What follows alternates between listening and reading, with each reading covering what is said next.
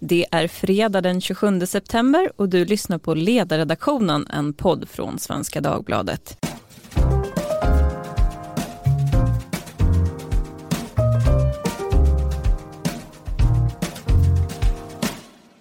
Jag heter Lydia Wåhlsten och idag ska vi försöka besvara frågan om någon läser längre.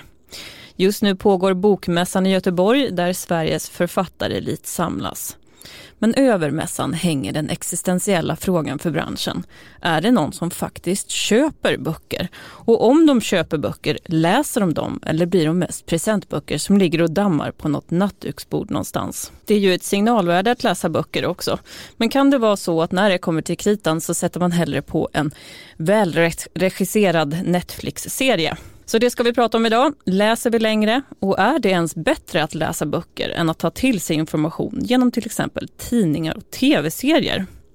Det ska vi prata om med Erik Wikberg, postdoc på Handelshögskolan i Stockholm, som har djup kunskap i hur förlagsbranschen fungerar och mår. Välkommen! Tack så mycket! Med mig i studion har jag också en legendar i de här sammanhangen får man säga. Vår gamla under strecket-redaktör Karl Rudbeck som också är litteraturvetare. Välkommen! Jag är högst verkligen inte en legend. Nej, inte en legend, men du kanske kan bli efter den här podden. Det tror jag inte. Tove, är du en legend? Nej, jag är en myt. Du är en myt. Med mig i studion sitter alltså Tove Livendal, min kära chef. Inför bokmässan så har Novus på uppdrag av Sveriges Radios podd Det politiska spelet gjort en undersökning om läsning. I den svarar 8 av 10 svenskar att bokläsning är ganska eller mycket viktigt för samhällets utveckling. Min första fråga till dagens panel är därför, har folket rätt i att det är viktigt att läsa just böcker. Vad säger Erik? Ja, det tycker jag definitivt. Och eh, det finns ju olika skäl till det. Ett är ju förstås att man tänker att det här ska ha, eh, att man tar till sig vissa litterära kvaliteter, att det finns ett kulturellt värde. Det som jag skulle säga mer omedelbart är att vi ser en direkt koppling mellan läsförmåga och läsning i ung ålder. Det finns en amerik utländska amerikanska studier som visar att 17-åringar som har läst aktivt och som har haft föräldrar som har läst för dem har ett ordförråd på 50 000 till 70 000 ord. Och den icke läsande gruppen har ett ordförråd på 15 till 17 000 ord. Så det är alltså radikala skillnader mellan läsande och icke läsande ungdomar och det här är kunskapen man behöver ha för att kunna vara en demokratifråga helt enkelt att man måste ha de här ordförråden för att kunna ta del av eh, journalistik och eh, alla sina demokratiska rättigheter. Och det är knutet till just boken då? Vi ser, det, finns, det är bättre att läsa böcker längre än att läsa kortare eh, avsnitt men man ska heller inte säga att det är något motsatsförhållande. Att man har nya läspraktiker behöver inte vara någonting dåligt. Det viktiga är ju bara att det inte utarmar eh, det längre mer fördjupande läsandet. Mm. Carl. Det är viktigt att man läser men också vilka böcker man läser. Men jag tror att Erik har helt rätt här att, man, att för att ta del av lite längre, lite mer komplicerade resonemang så måste man nog läsa böcker. Det går inte att ta del av dem på ljudböcker eller på korta snuttar på, på läsplattan. Utan svåra och stora resonemang kräver böcker fortfarande. Och det tror jag kommer fortsätta att vara så. Mm. Men jag är inte säker på att det är de böckerna som säljs. Tove, det går inte att ta till sig komplicerade resonemang i ljudboksform. Vad säger du?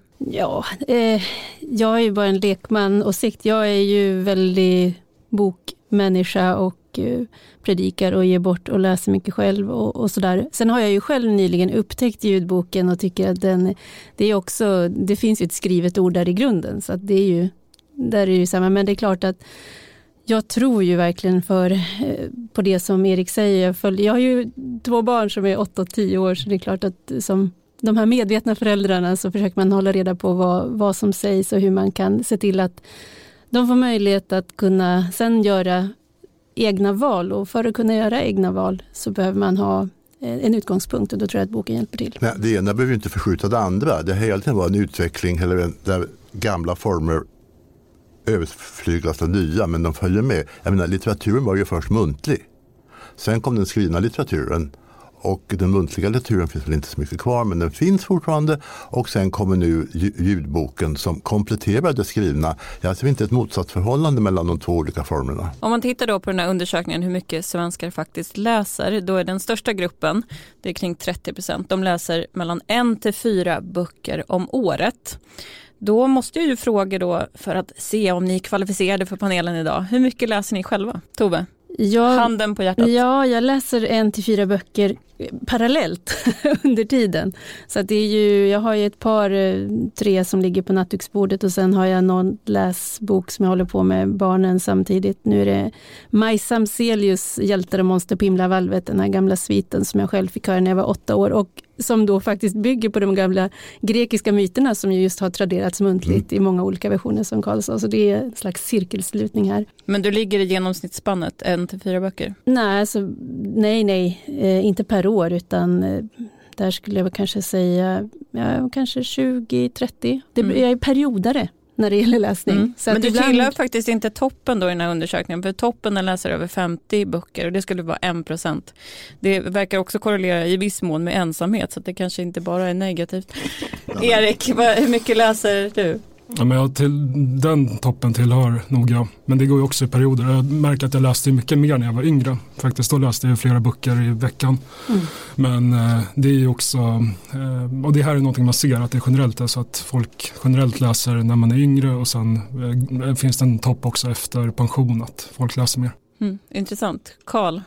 Jag vet inte hur många böcker jag läste men du, du talar om en bok vore någonting alla böcker ser likadana ut. Att läsa Spinoza tar mycket längre tid än att läsa Stig Larsson. Och det ena behöver inte förskjuta det andra men därför kan jag inte ge något, något svar på hur många jag läser. Jag läser så många jag hinner. Och man ska läsa för njutningens skull också. Jag tänkte att vi ska ja, komma in på det. Just det där, ja, förlåt jag avbryter, men just att det här är ju faktiskt fråga dels om att förkovra sig, att lära sig saker. Men litteratur kan ju faktiskt fortfarande vara en väldigt bra underhållning. En bra underhållningsroman som folk ibland ser ner på är bland det bästa som finns. Då vill man bara stänga världen ute och läsa. För att kunna besvara dagens fråga då om hur förlagsbranschen mår och bokförsäljningen mår så tänkte jag rikta frågan till Erik. Hur mår förlagsbranschen? Det är ganska stabilt får man säga. Sen så finns det ju stora förskjutningar. att Det som framförallt ökar är ju digitala abonnemangstjänster. Och där är det framförallt eh, ljudböcker som man lyssnar på. Eh, om man ser att det finns en viss minskning i fysisk butiksmiljö. Det här är ju någonting som man ser också i handeln i stort så det är inte helt överraskande. Men här tycker jag man ser, det har varit artiklar nu där de ser att ljudboken skulle hota litteraturen. Det tycker jag var ett väldigt konservativt sätt att se. De kommer ju komplettera varandra. När eh, fotografiet kom så hotade målarkonsten. När filmen kom hotades teatern. Men alltihopa levde kvar. Och jag tror också att det här, både ljudbok och skriven bok kommer att finnas kvar. Ipaden är väl en tredje, eller läsplattan är väl en en tredje sak.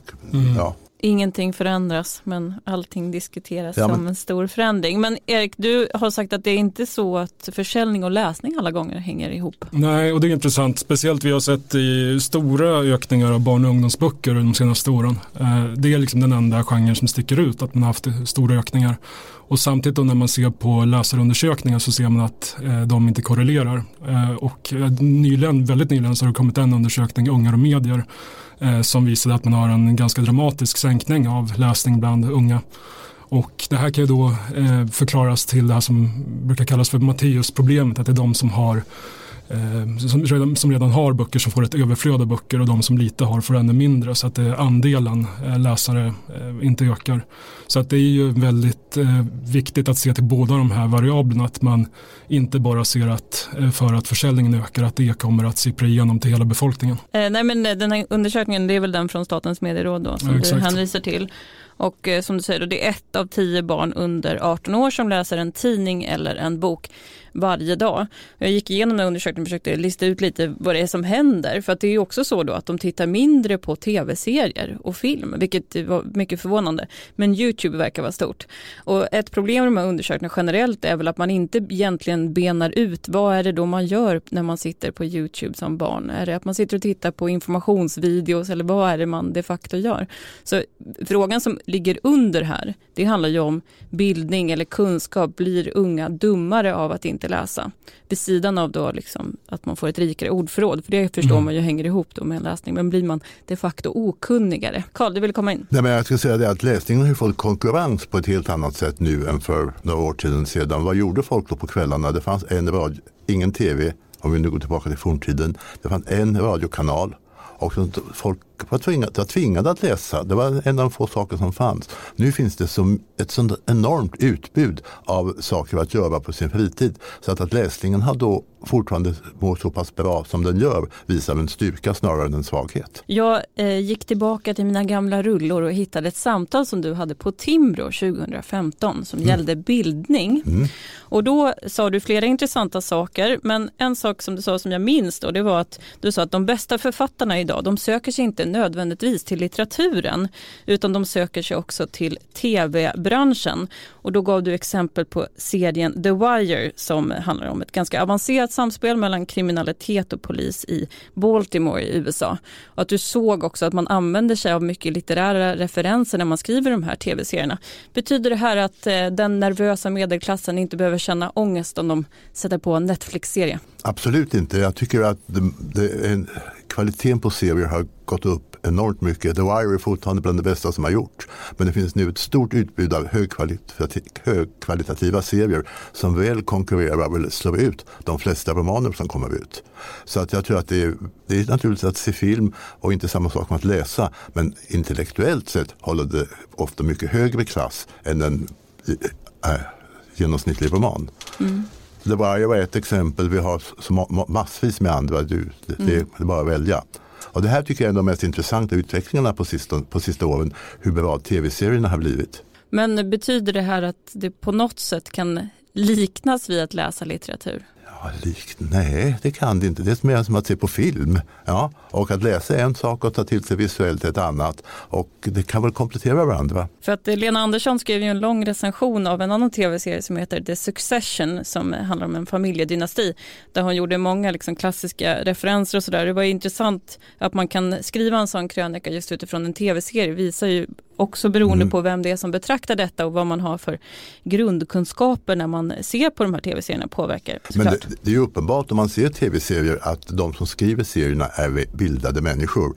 Det finns en ganska rå tv-serie som heter Sons of Anarchy. Den handlar om ett motorcykelgäng i eh, Kalifornien. Och det är naturligtvis en parabel på Hamlet det är den döde fadern och så vidare, den onda modern. Och så det, det, märks inte om man inte vill märka det, men där ligger Hamlet som en eh, som ett mönster över den tv-serien som är väldigt vulgär och väldigt rå. Men en sak som folk i gemen i alla fall är väldigt oroade för det är ju att vårt attention span blir kortare. Och någon som inte riktigt tror på den här tesen det är ekonomiprofessorn Tyler Cowen och han skrev en bok för tio år sedan som heter Create your own economy. Och där ser han att i och med informationsflödet med internet som vi nu har haft i åtminstone Eh, 30-40 år så får vi skräddarsydd informationsflöde. Det gör också att läsvanorna har ändrats i bemärkelsen att vi läser eh, vi följer ett ämne över tid, vi läser kort men vi läser varje dag. Och på det sättet så når vi en djup kunskap men det ser på ytan ut som att vi bara sitter och klickar på olika länkar på Twitter. Vad säger ni om det där, Tove? Ja, jag eh, vet inte. Man kan bara titta på, gå till de iakttagelser man gör själv. Jag satt och tittade på Hans Zetterbergs dragningar som han hade gjort för SVDs styrelse när han var chefredaktör. Och så tänkte jag, oj oj, skulle jag kunna prestera någonting sånt nu? Eh, och svaret är nog nej. Alltså den, den, det akademiska djup han uppnådde i de dragningarna hade inte jag kunnat uppnå. Men å andra sidan så har jag en massa färdigheter som han inte hade på den tiden för de behövdes inte då. Och det är väl liksom det som det här är en del av att vi en del av det som händer nu med informationsflödet det är både skapar och är anpassat efter det, det sortens samhälle som vi har idag. Det ser annorlunda ut än tidigare.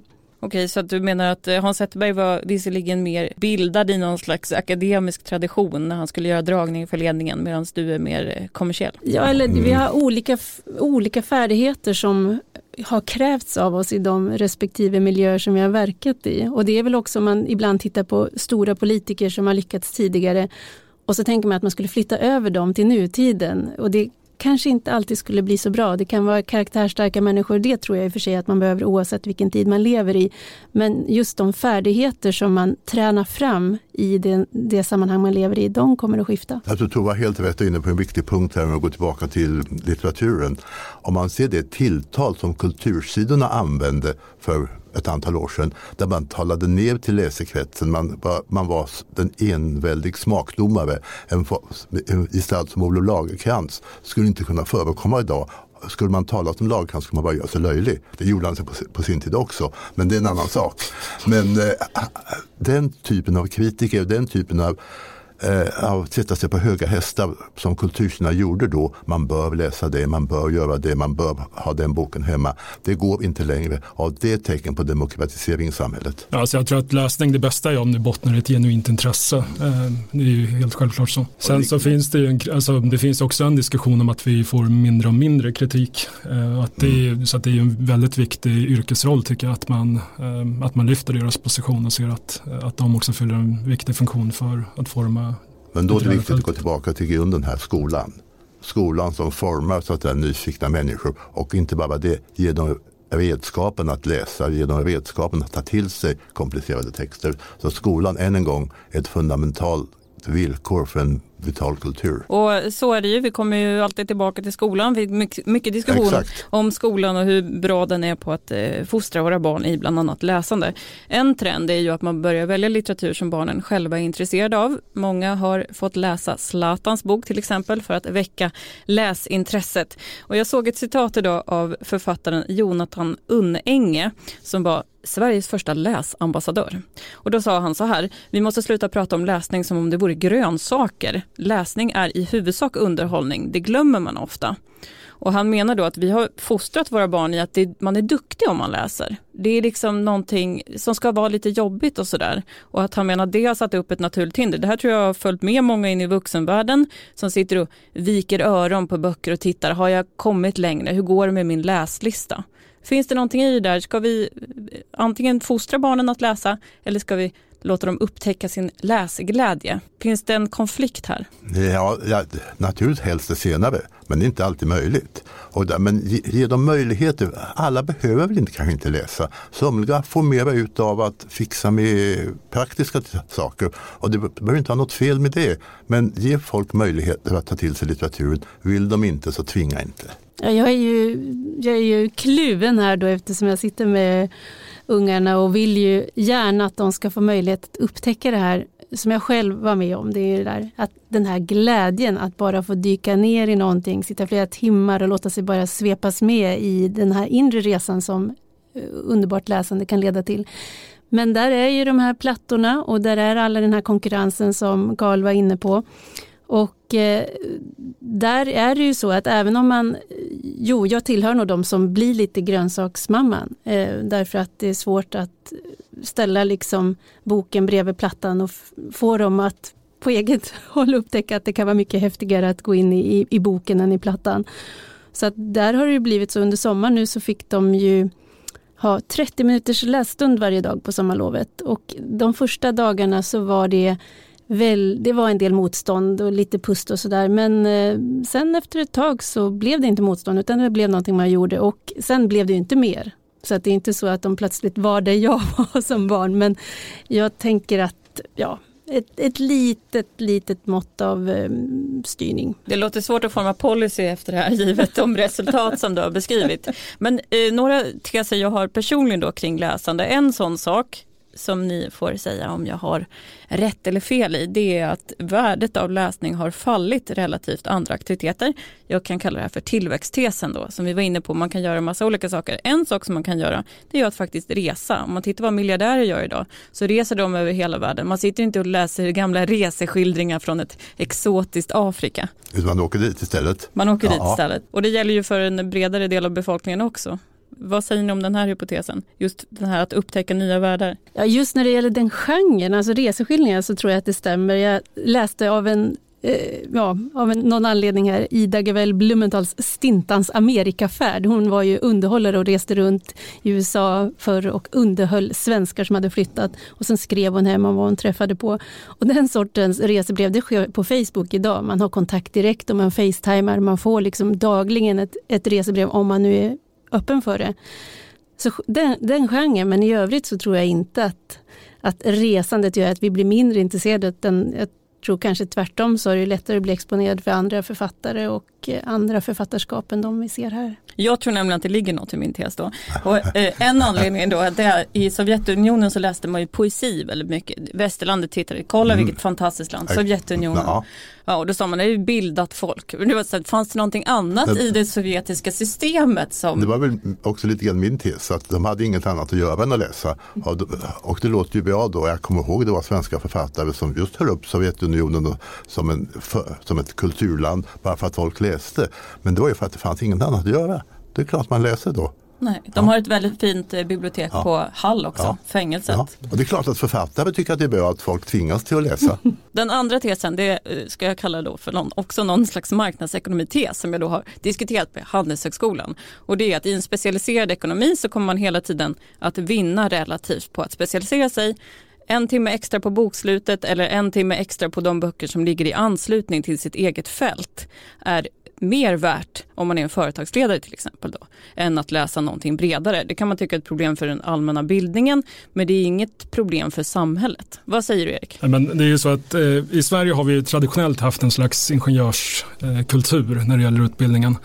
Och eh, jag tror att det som nu, som både kommer från vi som arbetar på Handelshögskolan och som även vi ser en efterfrågan från näringslivet, att man förstår att den här typen av mer mekaniska färdigheter, bokslut är väl ett liksom bra exempel, det kommer vara helt automatiserat om ett antal år. Eh, så att det som man egentligen då behöver lära sig är sånt som en en dator inte kan göra. Eh, att kontextualisera, kontextualisera saker, att ha en kulturell finkänslighet, att ehm, öva på sin eh, fantasiförmåga eh, och eh, inlevelseförmåga med andra människor. Så att jag ser ingen, jag tycker att för att det finns absolut ingen motsättning med att läsa litteratur och att bli en bra ekonom. Men jag tror, nej, tvärtom skulle jag säga, därför att det vi ser är ju att just de här formella kvalifikationerna, de kommer att bli mindre attraktiva och viktiga, utan det som är viktigt blir färdigheter som du är inne på. Så förmågan att ställa om, förmågan att ta till sig kunskap, förmågan att tänka på ett annat sätt. Daniel Ek betonar att ska du vara en bra ingenjör måste du kunna psykologi, därför att du måste förstå hur människor tänker så att du kan ta fram och det finns ett skäl till att eh, Berkeley som är så pass högt ansett eh, universitet, det är 74 procent som läser den här breda liberal arts-utbildningen därför att man vet att innovationerna kommer i gränslandet mellan olika discipliner och inte inom de här rören som vårt utbildningsväsende väldigt mycket upplagt efter. Så jag tror tvärtom att den som både kan så säga, hantverket men också har en utblick kommer att vara mer attraktiv på arbetsmarknaden än de här rena specialisterna. Bildning och litteratur gör väl inte till en bättre människa, det, det vet vi. Det är, det, det är ingenting att diskutera. Men vad jag märkt är att folk som inte är ett dugg intresserade av litteratur ofta blir lite, ska jag säga, godtrogna. De läser allting som borde stod i en uppslagsbok. Det här är sanningen och det kan inte diskuteras. Litteraturens förmåga är att göra oss alla till misstänksamma. Göra oss på ett sätt till sämre samhällsmedborgare men mera kritiska samhällsmedborgare. De som läser litteratur inser att eh, politikerna inte är att lita på. Att det finns alltid alternativa berättelser. Så att det är där kanske litteraturens stora värde ligger. Eller konstens stora värde ett av stora värdena. Och det är inte omedelbart förknippat med en viss typ av litteratur eller ens kanske med den stora litteraturen. Utan all form av berättande ger upp upphov till olika aspekter som gör att, att verkligheten alltid kan beskrivas på flera olika sätt. Och den insikten tror jag är viktig. Mm. Det knyter väl kanske an också till den här tillväxttesen ja. att man tänker att litteratur är ju också, det handlar inte bara om att man ska uppleva angenäma badsemestrar om man hårdrar utan att man också upplever situationer som man inte skulle ha eh, försatt sig mm. annars. Att det är ett sätt mm. att eh, Eh, få en ökad förståelse för sådana situationer och människor med helt andra livsbetingelser än vad man själv har. Och eh, apropå livsbetingelser så tittar jag just nu på Bill's Brain. Det är en serie som handlar om Bill Gates och han drar ju omkring med en stor totebag full med böcker och den har han tydligen alltid med sig när han reser. Och vad har han då i den här bokkassen just nu? Och då noterar jag bara att han hade Liv 3.0, han hade väldigt mycket artificiell intelligens, han hade väldigt mycket om energisystemet. Han hade inte så mycket om just då att uppleva andra personer, men han tipsade om en bok som jag själv har läst och den heter av Tyra Westover. Vad heter boken på engelska? Educated. Educated, precis, den hade han. Men eh, apropå det här då, han läser ju de här böckerna för att få mer insikt i energisystemet för att det är det han håller på med. Men är det fel? Borde han ha en större mängd av den här skönlitterära litteraturen? Han har ju begränsat med tid måste man väl säga. En timme av Bill Gates måste ju kosta en hel del pengar. Det här tycker jag, han, han läser på sitt område, uppenbarligen de flesta. Så att det är väl inte ganska naturligt att man läser på de områden man är intresserad. Det gör väl vi alla. Mm. Han är dessutom en sån jättestor läsare så att det kanske känns lite förmätet att klanka ner på just honom. Ja. Nej men just det, man ska, folk ska läsa vad de tycker är kul, mm. vad som ger dem någonting. Vi ska inte sitta här med pekpinnar och säga att du behöver läsa det eller du behöver läsa det. Och där vänder jag mig ofta mot en rubriksättning som jag hittar på kultursidor. Att du bör läsa den boken. Det skrämmer folk. Inget bör. Läs den för den är kul. Mm. Och om du tycker den är tråkig efter 50 sidor, läs något annat. Det är helg och eh, många föräldrar sitter där hemma med sina barn. När ska de vara nöjda när sina barn läser? Hur mycket ska man läsa för att nå den här lägsta nivån för att bygga sitt ordförråd? Erik? Jag kan inte svara på någon lägsta nivå. Eh, men man kan se, det som jag tycker är viktigt är att man kan se att det också finns eh, samhällsstrukturer. Vi vet att pojkar läser mycket mindre än flickor. Vi vet att det varierar väldigt mycket med utbildningsnivå. Så att det finns ju vissa grupper man speciellt kan sikta in sig på eh, och att och särskilt eh, tycka behöver en extra uppmuntran. Mm. Även om det känns lite paternalistiskt kanske. Nej men uppmuntran är alltid, bara det beror på hur den ser ut. Tove, hur ska man få barnen att läsa? Ja, jag läser ju som sagt var för dem på kvällen eh, och sen så har de ju från skolan så finns det ju en del beting och uppgifter och sådär kring läsning. Eh, men sen nu släpper jag hem, jag var på bokmässan igår, så att nu har jag släppt hem böcker som jag tror ska kännas, inte som eh, Ja, nu gillar ju en del barn grönsaker, men grönsaker i den här eh, ja, förförstådda meningen som... Friterade grönsaker? Ja, nej, kanske inte friterade, men läckra wokade grönsaker. det är så nyttigt. ja, jag tänkte höra, vi brukar alltid på fredagar då ha ett eh, tips vad man ska göra i helgen.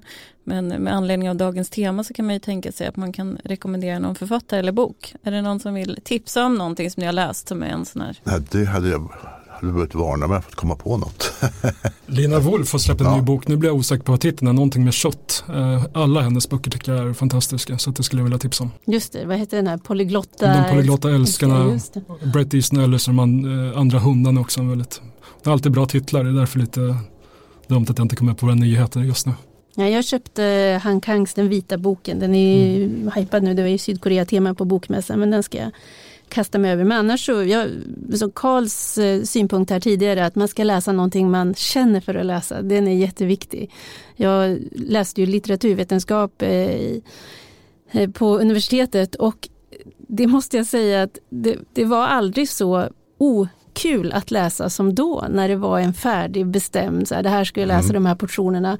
Och sen har jag fått gå tillbaka till dem efteråt utan tvång och då är det då mycket det, roligare. Då är det mycket roligare, ja. Så att eh, just det där tvånget. Men å andra sidan så ett visst tvång för att skaffa sig en lite, lite, litterär referensram mm. kan vara väldigt nyttigt för att då blir det är en slags kumulativ effekt. Mm. Varje bok man läser får ett, ytterligare ett värde för den sätts in i ett, ett, helt nytt sammanhang. Och eh, apropå det där med böcker, plikt och att sätta in saker i ett nytt sammanhang så har jag ett tips och det är att läsa om de böcker som man blev tvingad i skolan att läsa. Eh, för att då kan man ha väldigt bra upplevelser. Jag minns att jag läste Therese Jacquin av Emile Zola. Mm, mm. Och eh, jag kommer ihåg att jag tyckte att det var väl en okej bok men det var väldigt plågsamt då. Men att läsa om de här böckerna det, då kan man få en annan syn också på läsande. Så det är mitt tips för helgen, att läsa om någon gammal klassiker. Det tycker jag är ett väldigt bra tips. Jag måste säga i min ålder så har man inte råd att ta så mycket chanser på nya böcker så jag läser om gamla. uh, och, och, som jag vet är bra. Och jag har nyligen läst om en av de allra mest fantastiska, det låter lite snobbigt kanske, franska romanerna Prinsesse de Clèves som handlar om de stora ämnena kärlek, plikt, av, kärlek och plikt. Och vad är större ämnen än så? Okej, en ja och nej fråga för att avsluta. Är ni oroliga för att folk läser för lite? Ja eller nej? Nej. Ja. Ja. ja. Det blev dagens kompromisspodd. För er som är intresserade av den här diskussionen som jag pratade om och refererade till så finns den på Youtube om du söker på, på orden behövs bildning med Karl Rudbeck. Eh, och med det säger jag tack till Erik Wikberg, just Karl och Tove Livendal. Tack så mycket. Det är vi som tackar. Tack. Tack så mycket. Som tackar. Om ni vill ge oss en helgpresent, gå in på iTunes och recensera oss eller hör av er till oss med åsikter på ledarsidan svd.se. Vi hörs nästa vecka.